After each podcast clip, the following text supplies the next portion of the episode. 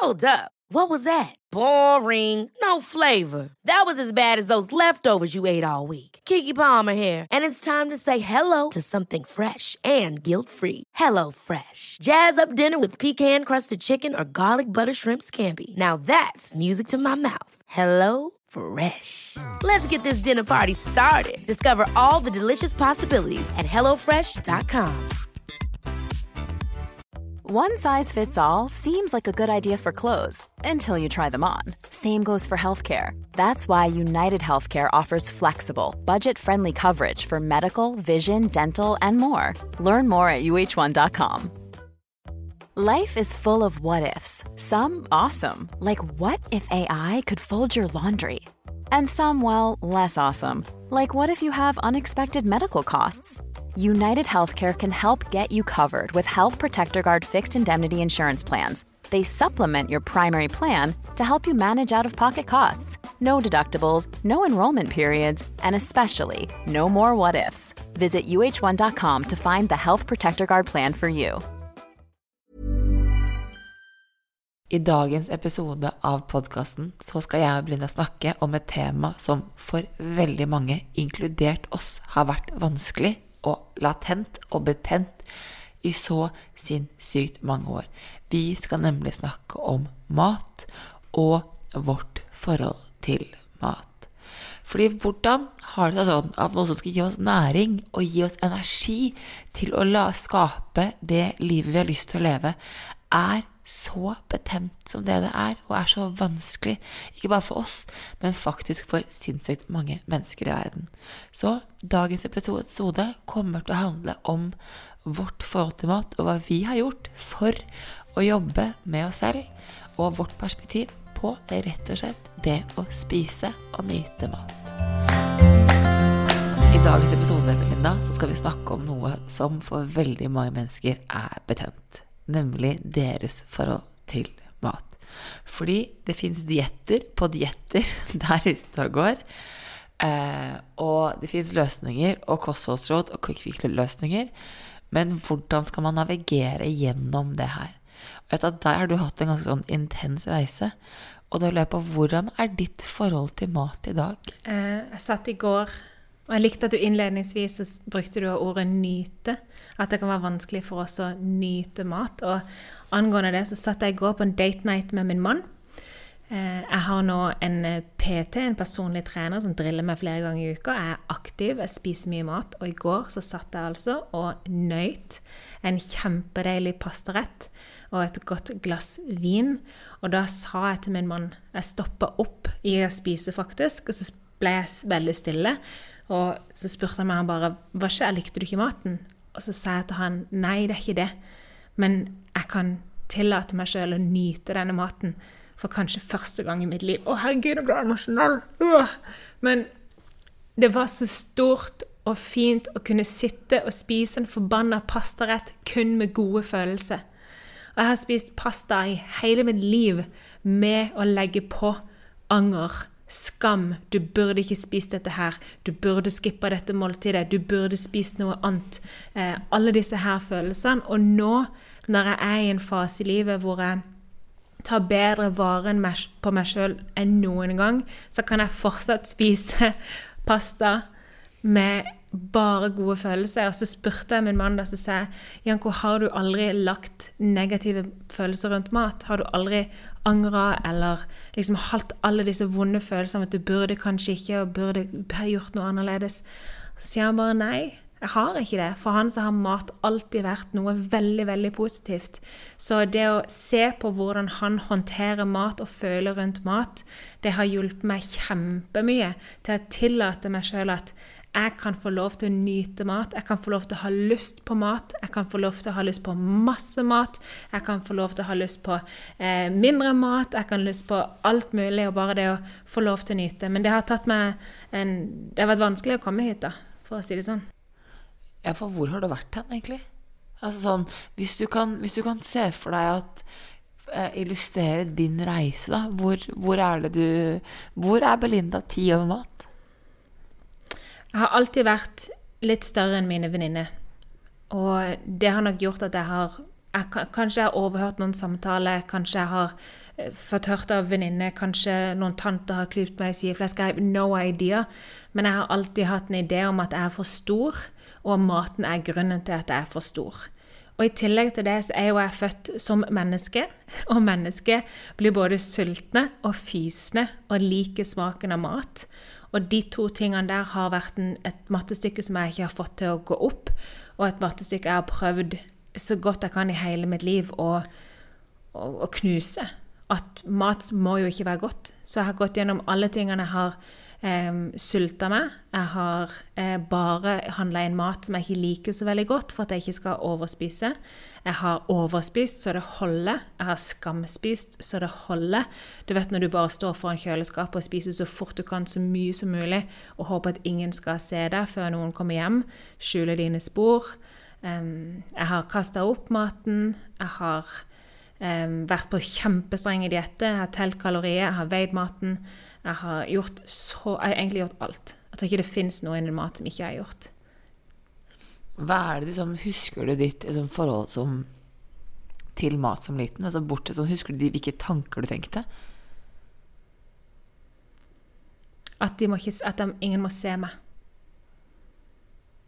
Ingen må se deg spise, eller ingen må se altså, Ja. Ingen må se meg spise. Jeg husker uh, Dette er ikke For de av dere som lytter nå, Isabel har ikke snakka om dette her off-pod, så det blir litt sånn rått. Og, men uh, ja, at jeg ville spise når ikke folk så meg. ja. Fordi hva hvis jeg brukte for mye smør? Jeg likte smør med, jeg likte smør med, eller toast med smør og ost. Og jeg ville ikke at noen skulle se at jeg tok for mye smør på. Så jeg ville ikke at noen skulle se meg spise, ja. Og jeg kjenner meg veldig igjen, for jeg, også var veldig, altså jeg var mye større enn alle andre. Jeg har vært eh, alltid et hode høyere. Eh, Så den følelsen av å være stor for meg, det er eh, handler ikke nødvendigvis om jeg var tjukk, men det er bare å være sånn fysisk større. Da. Nå har jeg vært god og rund, så det går fint. Um, men den følelsen av at man får andre blikk når man er større sånn, Burde du egentlig spise det der? Burde du kjøpe godteri?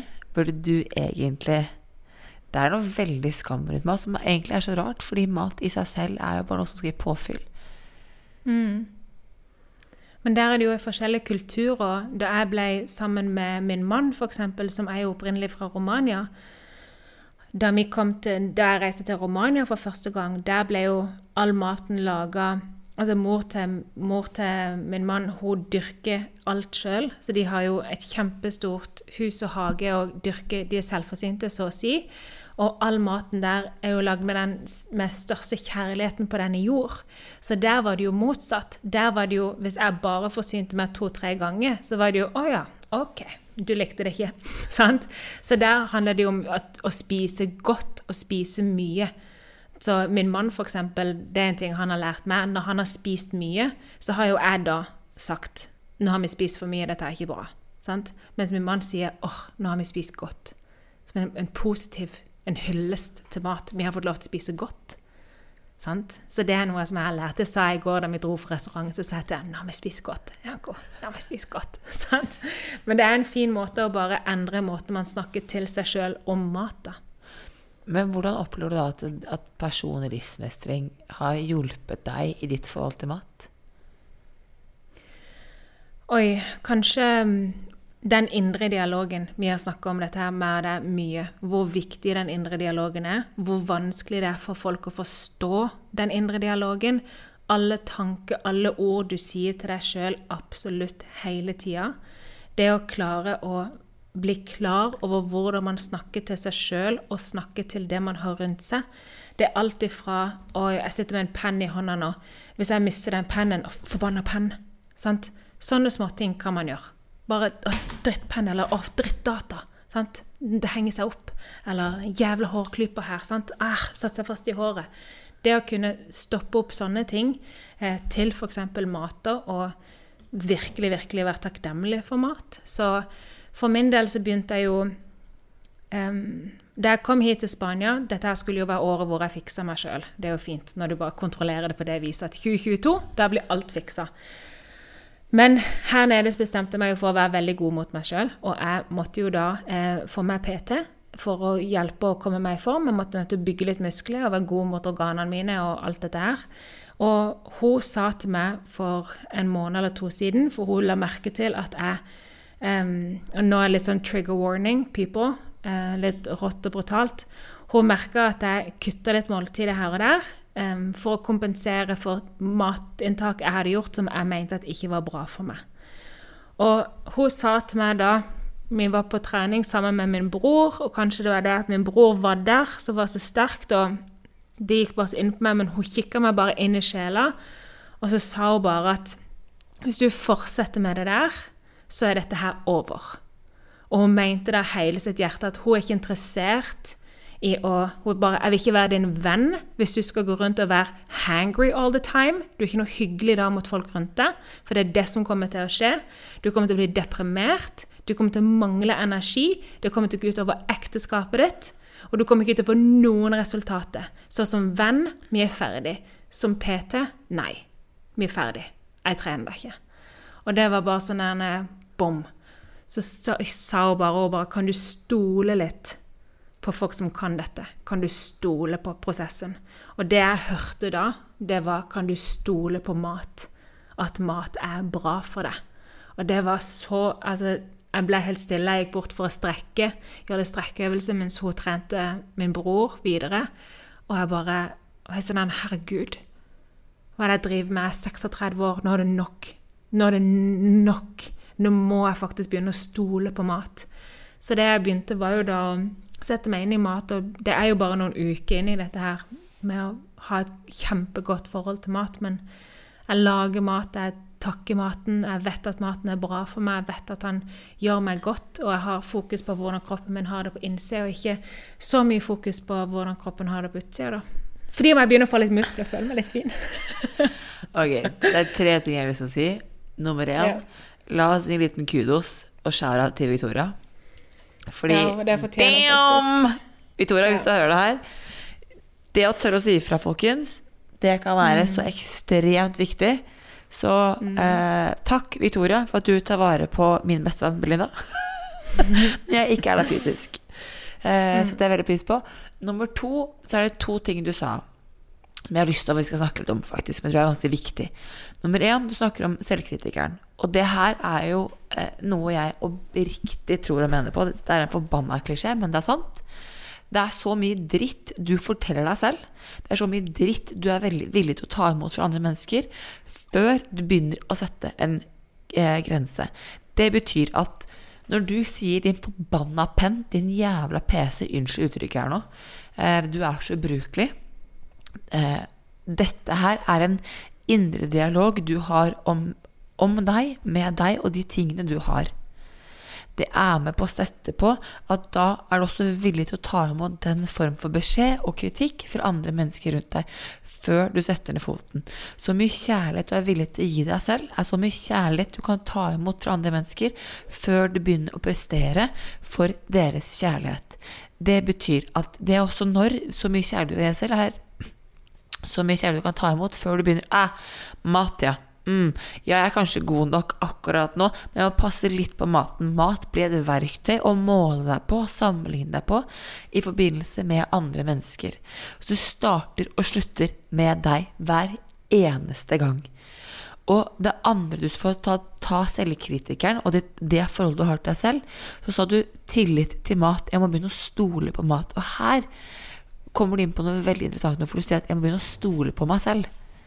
For det er ikke det forhold Det er ikke mat i seg selv du tviler på. Det er ditt forhold til mat. Det er din Det er mat i din kropp som egentlig er tilliten til deg og din kropp. Så det som trengs av egenskaper som trengs å utvikle seg, er jo tillit.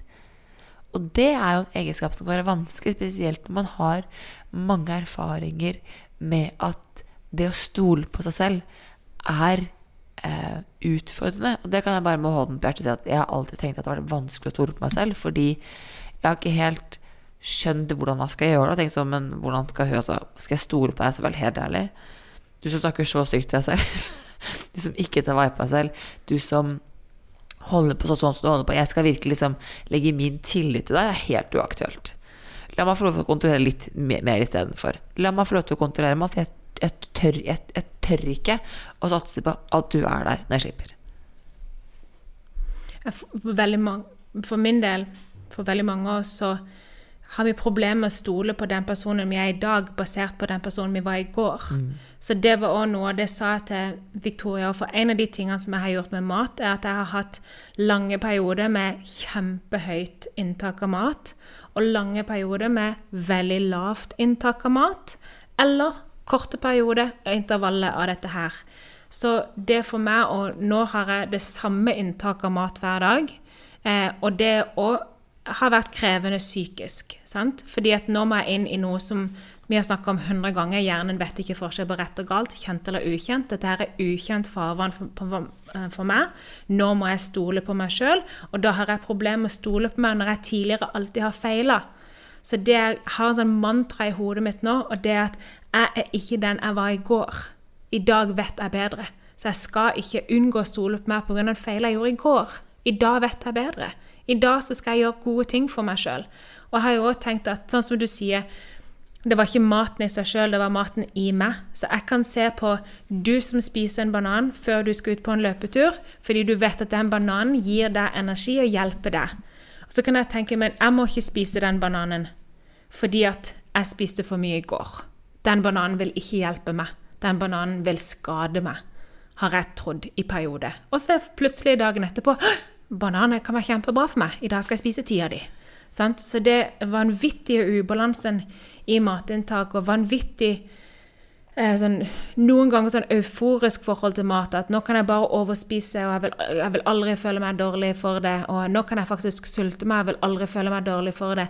Denne immuniteten som jeg har snakka om så mange ganger, at jeg tror at jeg er immun, den har jeg jo brukt veldig drastisk på mat. da hvor jeg oppriktig kan tro at nå kan min diett bestå utelukkende av ostekake, og kroppen min vil ikke reagere på det.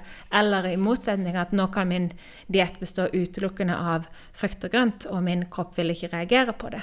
Så det å stole på, stole på meg sjøl og stole på å ta gode valg over tid, da, der er det på en måte jeg er nå. Og det er jo det som er så interessant, er jo at igjen, da, vi kommer tilbake til det som handler om frykten for å feile. Mm. Det er to ting du snakker om. Frykten for å feile og en klassisk quick fix-løsning. Og quick fix-løsningen er jo kanskje den største illusjonen som selges i personlig livsmestringsbransjen i dag. Fordi det er sånn Ja, la altså kroppen din er det mest intelligente maskineriet som jeg tror verden har skapt. Det er ikke iPhone, folkens. Det er kroppen din. Og det å tro at du kan sulte deg selv, eh, har gjort det, så det skal du ikke tenke på. Um, på en sånn måte som hvor du skal på en måte at den kroppen plutselig skal Det går to dager, og så skal alt være på plass som det, som det du ønsker det skal være. Det er, så det er en illusjon da som skapes. Og husk på at din kropp er annerledes enn min kropp, og vi fungerer på ulike måter. Og den quick fix-løsninga at her kan det gå ned 10 kilo, her kan det gå ned 5 kilo. Vi må ned til vekt, vi må ned til vekt. Og så har du den måte, andre motpolen som er sånn Nei, du skal være den du ønsker å være. Du skal hylle alle, alle dine, dine former. Bla, bla, bla denne enorme debatten, denne enorme For det er så mye følelser som ligger rundt det. Det ene ekstreme etter det andre. Og det er ikke sånn at jeg kjenner på, nødvendigvis for min egen person, og jeg er veldig rå her, eh, personlig forhold, at det å se plus, eh, plus size models på, på catwalken, at det hjelper meg og min selvtillit. Det vil jeg personlig ikke si at det gjør. For det handler ikke om deres kropper, det handler om min kropp. Problemet mitt er ikke med andre menneskers kropper, det er med egen kropp. Og der har jeg faktisk litt motsatt. Har du? Det har jeg, ja, det har jeg merka um, For eksempel, i går så la jeg ut uh, Ja, ok, rett før denne poden her ble spilt inn, da vet ikke når den her skal på lufta, men så la jeg ut en reel på Instagram hvor jeg snakker om plassering av fyllinfiken. I den reelen så sitter jeg um, med, i bikini og en shorts og har en valke på magen. Og da fikk jeg et spørsmål av ei som spurte meg For jeg hadde laga noen stories av det samme hvor jeg da ikke hadde valke, for da satte meg oppreist. Så sier hun hvorfor, hvorfor Hun bare syntes du var veldig flott, altså, men hvorfor valgte du det bildet når magen din er valkete? Og det gjorde jeg fordi at da Camilla Lorentzen, som er influenser, hun begynte å vise fram sin mage. Og hos sin mage har gjort at jeg har blitt forelska i min. Og da er jeg sånn vet du hva? Nå skal jeg vise det uten å snakke om det. Så skal jeg bare vise at hei, her er jeg, en 36 år gammel vakker kvinne som sitter i bikini i en stilling hvor magen bølger seg, og snakker om planter. Sånn at kanskje noen andre der vil se min mage og like sin egen bedre. Så andre som har vist sine mage, har gjort så kjempemye for meg, faktisk. Så ja. Jeg så den reelen, og min første tanke var Wow, så ekstrem modig du er. Det der hadde ikke jeg turt. Er det sant? Ja, det hadde jeg Det er min, det er min hyllest til, til meg, til min kropp. Fordi min kropp har endra seg i det siste. Han har blitt strammere, flottere, finere. Og han, jeg kan få han til å se helt amazing ut på kamera. No stress. Men han er fortsatt der. I dag er jeg f.eks. kjempeoppblåst, og jeg har bollemage. Og jeg skal elske min kropp like mye i dag enn før. Og dette her går litt tilbake til noe, et konsept som du introduserte meg for, som er the why. Hvem var det som kom inn og spurte The Why? Hvilken forfatter var det? Eh, Jim det er, nei, det er ingen forfatter. Det er et program jeg tok på The Mind Valley som heter Lifebook. John Ja. and Missy something. Yes. Så hvis man tenker på mat, da For the why. Hvorfor spiser vi mat? Siden jeg var liten, så har jeg trodd at jeg spiser mat for å gå ned i vekt. Det er det som er mitt mål med absolutt alt. Og igjen, nå kopierer jeg litt av det Camilla Lorentzen også sa i en reel hun la ut i sommer, hvor hun var i Italia og spiste is. Jeg så den 100 ganger. Fordi da er det kjæresten hos eller kona hos dem som spør henne, og bare 'Hvis du hadde vært i Italia og spist is for ti år siden' Nei, beklager. Hun sa 'Hvis du hadde vært i Italia for ti år siden, hadde du da spist is?' Så ler Camilla litt, og så sier hun 'Nei, det hadde jeg ikke'. Fordi på den tida så trodde jeg at jeg var skapt på denne, satt på denne jord for å gå ned i vekt. Og jeg må bruke hver time og hvert måltid og alt jeg kan for å gå ned i vekt. Og hvis jeg feiler, så bør jeg skamme meg for at jeg feiler for å ikke gå ned i vekt. Så hun ville gjerne da sikkert skamspist is hjemme på sofaen mens ingen ser på det, men ikke nyte en is på en ferie, for da har hun feila.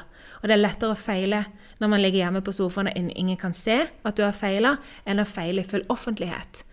Og den, det ga så mye mening for meg, for det er det jeg òg har følt at jeg, min oppgave er å gå ned i vekt. Og mat for meg, det handler om å gå ned i vekt. Og så handler det om at jeg skal skamme meg og føle på anger de gangene jeg har feila. Så det for meg nå å spise f.eks. da til den pastaen jeg hadde på date med min mann, hvor jeg da spiser en pasta uten anger, uten å være på, i sånn en immunfase, sant? og uten noe skam, og bare fordi at jeg har lov til å spise en pasta, fordi the why, grunnen til at jeg spiser mat i dag, det er ikke lenger for å gå ned i vekt. Nå spiser jeg mat fordi at jeg skal være i live i lang, lang tid. Jeg vil ha masse energi. Jeg vil ha muskler. Jeg vil, ha, eh, jeg vil ikke ha tåkehjerne, som man ofte får når man eh, unngår å spise nok mat. Så min the why har endra seg for første gang sikkert på, på 26 år, vil jeg si. 28 år, kanskje. Og det er veldig fint, eh, for jeg liker det at det handler om næring, og det handler om det å gi kroppen sin det den har behov for. Og det er så Ja. interessant at mat også blir linket opp med kropp og utseende. Mm. For det er det det måtte Mat, Ja. ja, mat for meg nå er to ting. Det er, sånn som du sier, næring til kroppen min for at min kropp skal fungere. Og nummer to så er det næring for hodet. Og noen ganger Jeg sier ikke at jeg, mener, jeg er veldig irritert på sukkerindustrien. ok? Det er egentlig en demon som ikke burde eksistere. Sukker fucket det så mye. Men med det sagt Noen ganger så er det eneste riktige å gjøre, det er faktisk å, å indulge. sant? Så det her har også kommet nå at nå spiser jeg for to ting. For min fysiske helse og for min mentale glede. Noen ganger så spiser jeg bare fordi det gjør meg glad. Og man kan faktisk få lov, sånn som jeg har snakka om med det så mange ganger, at vi kvinner ofte føler at vi ikke bør nyte. Sant?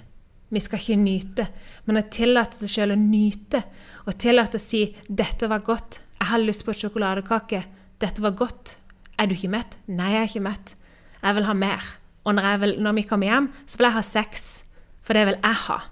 og jeg vil ha noe brus, eller jeg vil ha et glass vin, og jeg vil ha frihet, og jeg vil gå ut, og jeg vil sole meg, og jeg vil slappe av, og jeg vil se en film, og jeg vil løpe, og jeg vil gjøre dette her fordi at the why igjen, du er tilbake på at du vil gjøre ting som er godt for deg. Og da har du lov til å nyte. Du har lov til å nyte hva pokker du vil nyte. Det er veldig gøy. Vi har en, eh, det er en historie som en bror forteller, som går sånn gjenganger i, går gjenganger i familien. Det er faktisk Altså, brorsan elsker jo mat. Uh, det er han veldig ærlig på. Han er verdens beste bror. Nils August Engla Corneliussen, shout out to you. Uh, men han uh, har fetteren vår, med Sindre etter han. Han er året eldre enn brorsan, så de måtte blitt litt som brødre. Eller vokse og blitt litt som brødre. Og da Sindre skulle konfirmere seg, så hadde han en kjæreste. Og Sindre var også langrennsløper, altså toppidrettsutøver. Gikk på NTGU opp på Lillehammer et eller annet sted. Så han trente mye, da. Og eh, så er historien kanskje sånn at vi var i konfirmasjonen til Sindre. Cecilie kom, som da ekskjæresten hans het. Og så eh, sier Stian at han vil ha et kakestykke til. Og da sier eh, kjæresten nei. Du har spist nok kake nå. Og brorsan Altså, hele gutten er sånn hva? La gutten få spise kake? Hæ? Det er uaktuelt! Altså, han sa ingenting, men totalt i sjokk. Um, så ble det slutt. Og da var brorsan så glad og fornøyd, for nå kunne endelig Sindre få å spise det kakestykket han hadde lyst på. Og etter det, hver gang det er kake i sånn familiesetninger, så er brorsan sånn Spis så mye kake du bare vil. Altså, her skal kake spises, folkens. Eh, for det handler om glede. Mm, eh, og det er noe med å si at det å spise for glede, det å spise For det er en veldig sånn sosial greie. Så det er så latent, og det er så betent på så veldig mange ulike måter. Og jeg vil faktisk si, jenter, vi tror at det er vi som sliter mest med vårt forhold til mat. Gutta sliter likedan. Jeg tror det finnes mm. så mange mørketall rundt gutter og mat og deres forhold til mat som vi ikke helt forstår. Um, jeg vil bare si det fordi veldig mange tenker at med mat, forhold til mat og kropp og utseende, det er på en måte et sånt kvinneproblem. Jeg tror det generelt sett er et sånt klassisk menneskeproblem. Mm. Jeg tror ikke det er noe lettere for gutta som skulle ha den der super sixpacken og musklene og se som du er en roer samtidig som du liksom poserer Nei. Det har vi gitt slipp på i dette huset, for å si det sånn. ja. Men det er, det, det er, så sant, det. Og dette med mat, det, det er så personlig. Så for noen, det å kunne få lov til å bare spise kake i det selskapet, er det som er riktig. Du spiser for glede, for etegilde, for enjoy. For noen som vet at dette her vil føre til fire timer på toalettet senere, oppblåst mage og vondt, da kan det faktisk være godt å si nei takk til den, og heller spise noen druer, fordi du gjør det som er bra for deg. Og det er det som er så viktig med å være så sikker på the why. Hvorfor spiser du mat? Når er det du har det bra?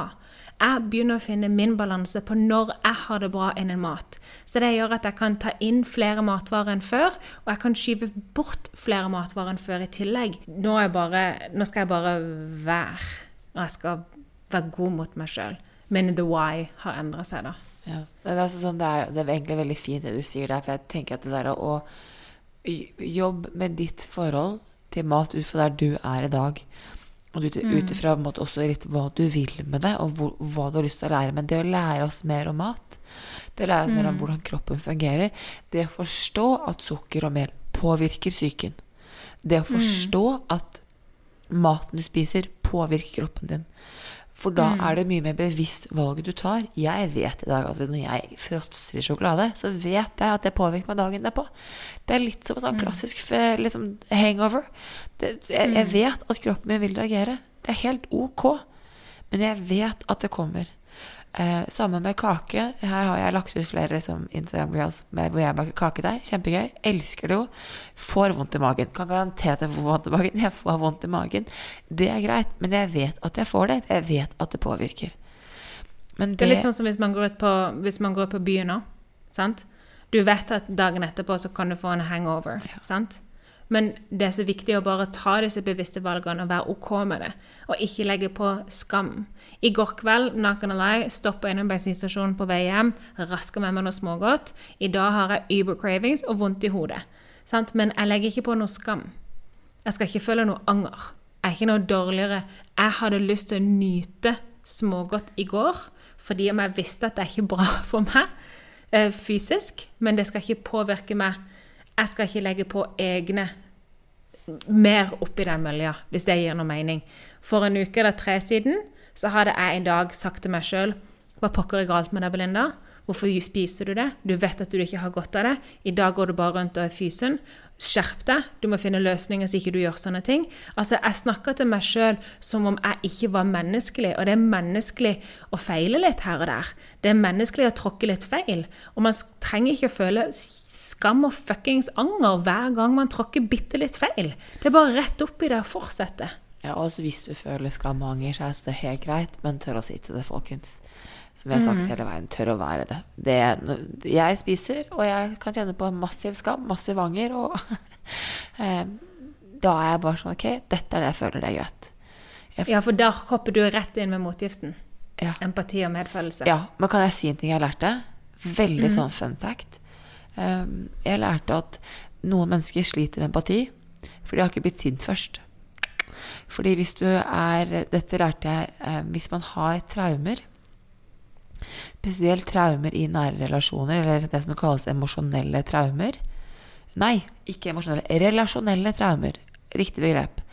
Så eh, kan man kjenne på at det å få medfølelse og empati for seg selv er vanskeligere. Og da veien gjennom det å faktisk bli sint. Oi. Ja, Så jeg har jo fått medfølelse og empati for meg selv fordi jeg har vært forbanna først. Jeg har jo liksom skreket, det vet du, jeg har skreket som en gæren gris um, utpå stuegulvet her og bare klikka som et Jeg var en, en villkvinne fra steinalderen i kamp med fire ulver og en bjørn. Uh, og det har gitt meg egenskapen til faktisk å få empati og medfølelse. Så hvis du kjenner på at du sliter med empati, så er mitt tips faktisk å ta en liten skrikesession eller en liten sånn rage eh, session på stuegulvet kan være en løsning, faktisk. Veldig side note. Så nysgjerrig. Men, eh, I, I, denne livsmestringsreisen så har jo du gått veldig mange veier før meg. sant? Ja. Så nå er det nesten som clockwork. Når du jobber med verdighet, så kan jeg nesten bare legge det inn på kalenderen at om to måneder til så må jeg jobbe med verdighet. Når du jobber med skam, OK, skam er rett rundt hjørnet, let go. Det som jeg ikke har hatt behov for ennå, det er rage det er sinne. Jeg er veldig veldig spent på om det kommer til meg. Hvis det kommer, så kan jeg garantere deg at der ligger det mye rage rundt mat som jeg sikkert bare ikke har noe som helst eh, tilgang til per i dag. da. Jeg tror du har det. Jeg tror du har ikke fått, det Tiden har, har, bare ikke vært inne. Mm. Det kommer på meg på veldig, veldig, veldig riktig tidspunkt. Mm. Eh, og jeg ser jo i dag at det, er jo noe jeg kan altså, Når jeg skriker og har mine rage sessions, så kan jeg fint skrike ut mine tanker om meg selv og mat. Da blir jeg mm. faktisk min selvkritiker som kjefter på meg selv for å spise. Og det er helt nydelig, for da gir jeg den stemmen et utløp. Og det er så befriende og bare sånn eh, Da fikk jeg sagt det. Da fikk jeg bare lov til å bare Hvis jeg har lyst til å, å, å, å smelle og si alle stygge tingene om at du din feite jævla ku. Unnskyld uttrykket. Ja. Men liksom, jeg banner mye når jeg kjefter på meg selv. Eh, jeg vet ikke hvorfor. Jeg bare tror jeg, det høres bare mer stygt ut, tror jeg. Jeg banner masse. Eh, og ingen kommer til å elske deg noen gang. Du er det mest uverdige mennesket som fins på den kloden her. Altså, alle disse tingene er klassiske tingene som man kjenner på rundt mat. Hvis jeg har spist, um, og jeg kjenner på den skammen og ageren, så går jeg og skriker. Og da tøm, altså Jeg står og skriker inn i en pute. Og jeg sier alle de tingene jeg tenker høyt, de får komme ut via da lydbølger, eh, stemmen min. Og så er jeg ferdig, så er jeg sånn Åh ok, nå kan jeg, nå kan jeg gi meg selv medfølelse og empati. Det er greit. Jeg måtte bare få lov å bli forbanna først. Og Hvis noen lurer på hvorfor i all verden Isabelle sitter og skriker stygge ting til seg sjøl eh, Dette her er faktisk òg i en, det er en, det er en terapeutisk tilnærming. Eh, jeg leste nettopp boka 'Bli klok på følelser', skrevet av tre forskjellige psykologer, blant annet Aksel Inge Svindal Nei, Aksel Svindal er en, eh, er en uh, Aksel Svindal er en uh, tidligere toppidrettsutøver. Ja, så close var jeg. Aksel Inge et eller annet, tror han heter. Uansett, boka heter 'Bli klok på følelse', og det er en bok basert på EMT, emisjonsfokusert terapi.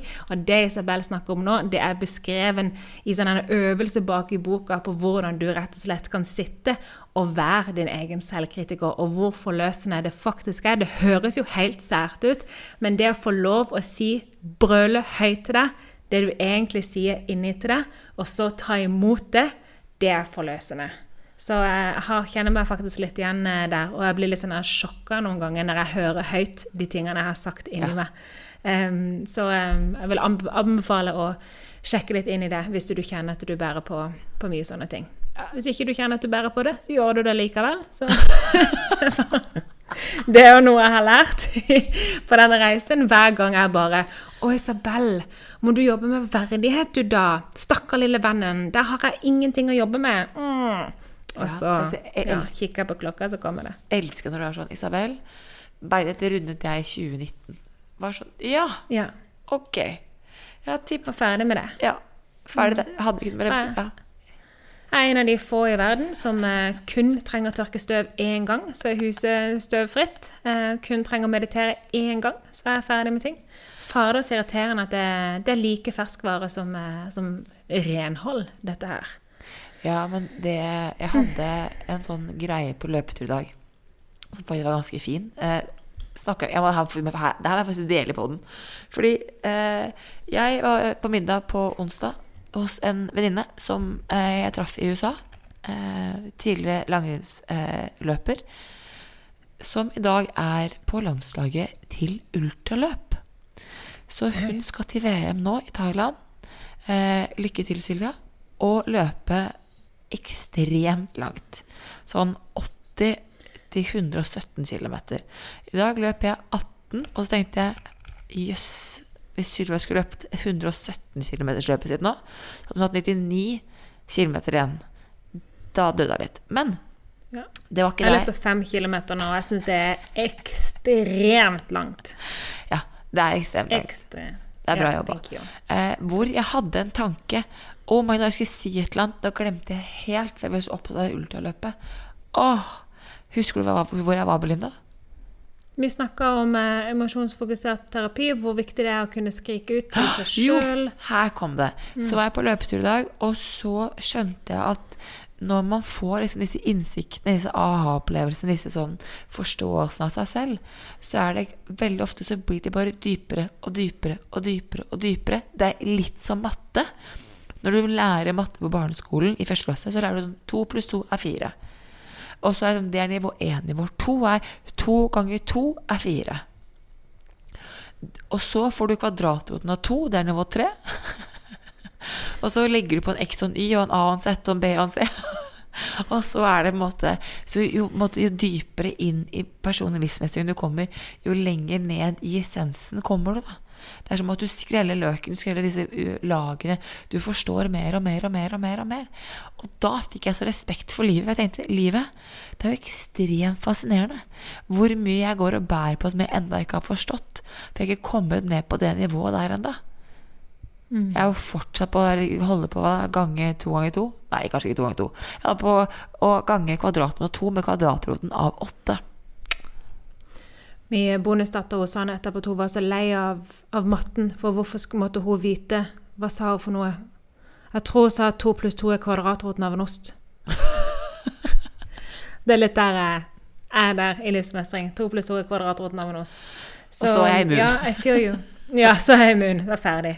Men eh, det som er fint, er at du jobber med deg sjøl på forskjellige måter. Når du røsker opp i noe, så blomstrer det i andre områder. Så jeg har ikke for eksempel, Jeg har ikke effektivt jobba med mat. Men jeg har jobba med verdighet, jeg har jobba med å stole på meg sjøl, jeg har jobba med skam, jeg har jobba med så mange andre ting, og det gjorde at plutselig så ga det meg bare mye mening. Plutselig forsto jeg mat og, og tillater meg sjøl rett og slett å, å, gjøre ting for meg som er bra for meg. Jeg er ferdig med å straffe meg sjøl, og jeg har straffa meg sjøl i hele mitt liv. Så det, det, er så fint. Og noen ganger så, så havner man på sånne platåer hvor man bare har det greit, og så dukker det opp i noen ting, og så fikser man det, og så får man det bedre. Og man får det jo bare bedre og bedre og bedre. Ja. Livet, da. Livet er ment til å le- leves, livet er ment til å være en opplevelse. Og livet er ment til å gå litt opp og litt ned, og litt til siden, og litt i eh, runder, sykluser. Nettopp. Så til alle som lytter til dette her, jeg har lyst til at dere skal gjøre noe for meg denne uka som kommer. Jeg vil at dere skal lage god mat. Så vil jeg at du skal spise det uten å ha telefonen eller TV-en eller noen ting. Jeg vil at du skal se på maten, og at du skal kjenne på hvordan den smaker i munnen. Så vil jeg at du skal sende en liten takk til det faktum at du bare kan få lov til å spise mat. Det er mange der ute som faktisk ikke har tilgang.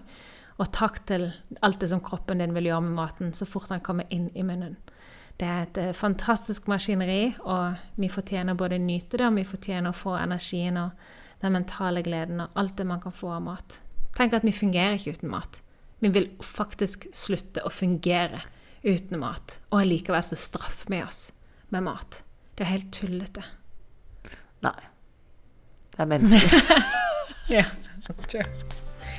Ok, Tusen takk for dette her. Takk for um, at du guider meg fint gjennom dette her, Isabel. Det Takk for at du lot meg få lov å lede. Ha det.